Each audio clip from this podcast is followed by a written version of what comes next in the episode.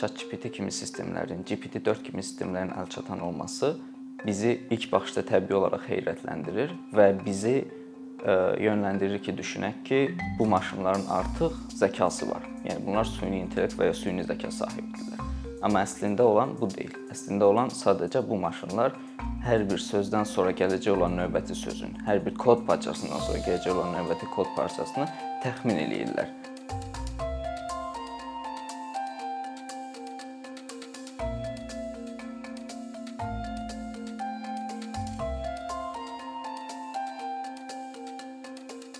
Günümüzdə istifadə etdiyimiz bir çox alətlər əslində narrow süni zəka dediyimiz, məhdud süni zəka dediyimiz e, texnologiyanı istifadə edir. Yəni bizə hər hansı bir naviqasiya alətindən istifadə edərkən əgər yolu səhv dönürüksə, bizim üçün avtomatik şəkildə yol yenidən hesablanır. Və ya biz YouTube-da 10-20 videoya baxdıqdan sonra ana səhifədə bizə bizim baxdığımız videolara uyğun yeni videolar təklif olunur. Və ya biz bəyəndiyimiz sosial şəbəkələrdə rəy verdiyimiz məlumatlar əsasında bizə ona bənzər reklamlar çıxmağa başlayır. Bu tip şeyləri bizə əlçatan eləyən əslində məhdud süni zəkadır. Bu süni zəka niyə məhdud adlanır? Çünki bu hal-hazırda machine learning, yəni maşın öyrənməsi deyilən texnologiyalara və dərin öyrənmə deyilən texnologiyalara əsaslanır. Çox dərininə getsək, bu sadəcə olaraq statistik analizdir və bizim yazdığımız kodlar, alqoritmlər bizə sadəcə olaraq ən yüksək ehtimallı nəticəni qaytarır. Məsələn, hər hansı bir artificial intelligence, süni zəka bir şəkil gördükdə onun it və ya pişik olduğu arasındakı fərqi anlamır. Sadəcə olaraq ona öyrədilən parametrlər əsasında dəyərləndirir. Məsələn, mənə göstərilən şəkil 70% itə bənzəyir, it parametrlərinə bənzəyir. 30% pişik parametrlərinə bənzəyir. 80% yüksək ehtimal olduğu üçün bu alət bizə bunun it olduğunu deyir. Məsələn, avtomatik özü gedən maşınlarda, Tesla kimi avtomobillərdə görürük. Qarşıda gedən maşının bəzən əgər görmüsünüzsə, böyük maşınmı, kiçik maşınmı olduğunu, at arabası olduğunu qarışdırır. Çünki o fərqli ehtimalları dəyərləndirir və bu ehtimallar əsasında bizə cavab verməyə çalışır. Bildirdiyimiz kimi statistikaya və ya ehtimallara əsaslandığı üçün əslində burada zəka yoxdur. Bu süni zəkanın bir qolu adlansa da, məhdud süni zəka adlansa da, maşınlar bizə dediyi və ya bizə qaytardığı cavabı anlamır. Düzgün və ya səhv olduğunu başa düşə bilmir. Sadəcə olaraq təxmin eləyir və ehtimal eləyir.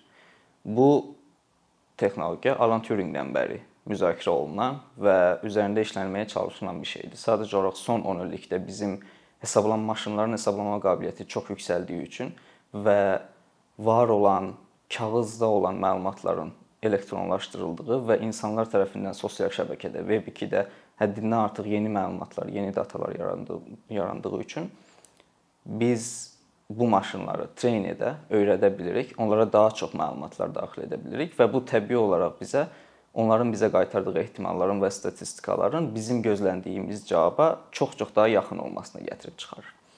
Və həmçinin bununla paralel biz telefonda yazdıqda bəzən autocomplete funksiyası görürük. Yəni avtomatik şəkildə tamamlanma.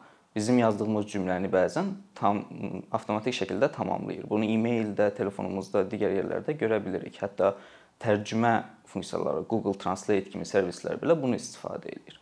Bu dərin öyrənmənin xüsusi bir tipi olan natural language processingdir, hansı ki insan dilini bənzər şəkildə proses eləməyə, insan dilinə bənzər şəkildə çıxışlar yaratmağa və onu başa düşməyə əsaslanır. Günümüzdə ChatGPT kimi sistemlərin, GPT-4 kimi sistemlərin əlçatan olması bizi ilk baxışda təbii olaraq heyrətləndirir və bizi ə, yönləndirir ki, düşünək ki, bu maşınların artıq zəkası var. Yəni bunlar süni intellekt və ya süni zəka sahibidirlər.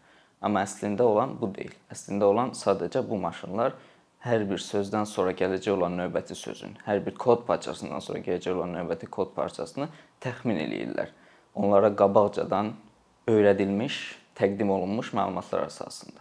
ChatGPT large language modellər əsasında işləyən və bizim dediyimizi maksimum dərəcədə təxmin eləyib bizə verəcəyi cavabı da maksimum dərəcədə təxmin etməyə çalışan bir texnologiyadır. Bu texnologiyanın başa düşə bilməməsinin və bizi anlamamasının əsas səbəblərindən biri bizim hələ abduktiv əsaslandırmanı koda çevirə bilməməyimizdir. Bunun üçün alqoritm yarada bilməməyimizdir. Bunu necə yaratmaq olar üçün fikirlər var, ancaq hal-hazırda mümkün deyil.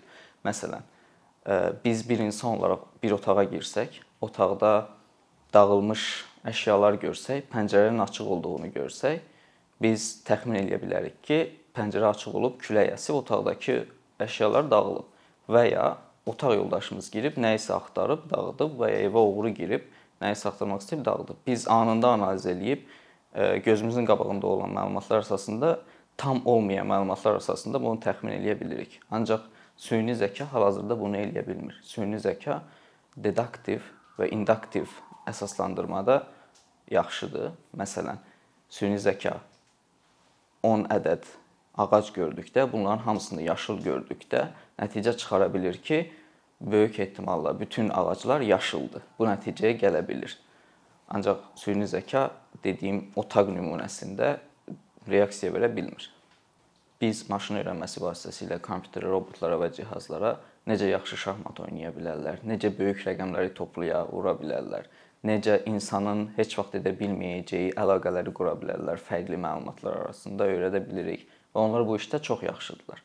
Ancaq ə, bəsit insanın təkamül milyonlarla il ərzində təkamül prosesində qazandığı bacarıqları bir şeyi sürətli öyrənmə və heç vaxt qarşılaşmadığı bir şey qarşısında donub qalmama və yeni bir yol tapa bilmə bacarığını biz süni zəkalara öyrədə bilmirik.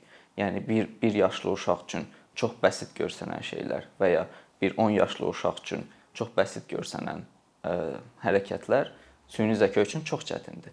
Ancaq yetkin bir insan üçün çox çətin olan hesablamalar, çox çətin olan oyunlar süni zəka üçün çox daha asandır. Bu bizim hal-hazırda sahib olduğumuz paradokslardan biridir. ChatGPT və onun bənzəri alternativ variantları large language modellər əsasında trening olunub, yəni öyrədilib, sosial mediada olan bütün məlumatlar, internetdə olan bütün elektron kitablar və s. bu bütöv şəkildə bu alqoritmlərə onlar arasında bağlantı yaratması və insan dilinə ən yaxın şəkildə çıxış yaratması üçün təqdim olunub. Lakin burada heç bir yoxlama mexanizmi olmadığı üçün və large language modellər heç bir formada nə dediyini anlamadığı üçün, nə yaratdığını anlamadığı üçün bunlar qərəzli məlumatlara çox açıqdır və həmçinin də digər sahələrdə, məsələn, proqramlaşdırmada istifadə olunarsa, yaratdığı kod hər hansı başqa bir şəxsin lisenziyalaşdırılmış kodu ola bilər və bu kod hər hansı bir proqramçı tərəfindən istifadə olunduqda əslində digər qarşıdakı insanın hüquqlarının pozulmasıdır. Və bununla paralel olaraq da eləmlər sadəcə olaraq ə, ən yüksək ehtimallı nəticəni bizə qaytardığı üçün hər zaman səhv etməyə açıqdır. Bütün bunları nəzərə alaraq, necə işlədiyini başa düşərək, səhvlərə açıq olduğunu, səhv məlumat, diskriminativ məlumat yarada biləcəyini başa düşərək ə, ChatGPT və bənzəri ə, süni zəka alətlərindən günümüzdə məhsuldarlığımızı artırmaq üçün istifadə edə bilərik.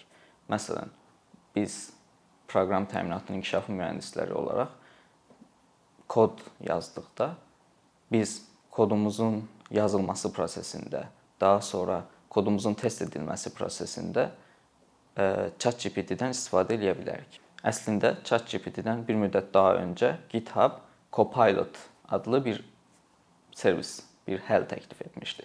Bu həll proqramçılara kod yazarkən onların nə yazmaq istədiklərini təxmin edib onlar üçün həmin kodu bitirməyə və onlar üçün kod yazmaq işini sürətləndirməyə hesablanmışdı.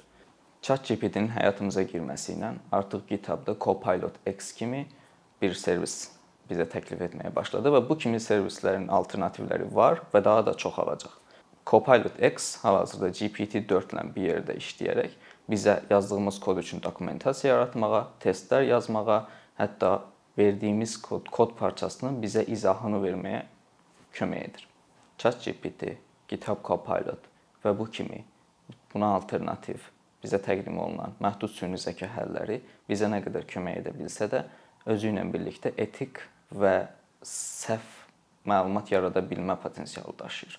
Buna görə də bizim hər zaman bu məlumatları təsdiq edəcək, bu məlumatların doğruluğunu yoxlaya biləcək və bu məlumatların həqiqətən də bu case üçün, bu nümunə üçün ən yaxşı həll olduğunu doğrulayacaq insan gücünə ehtiyacımız var.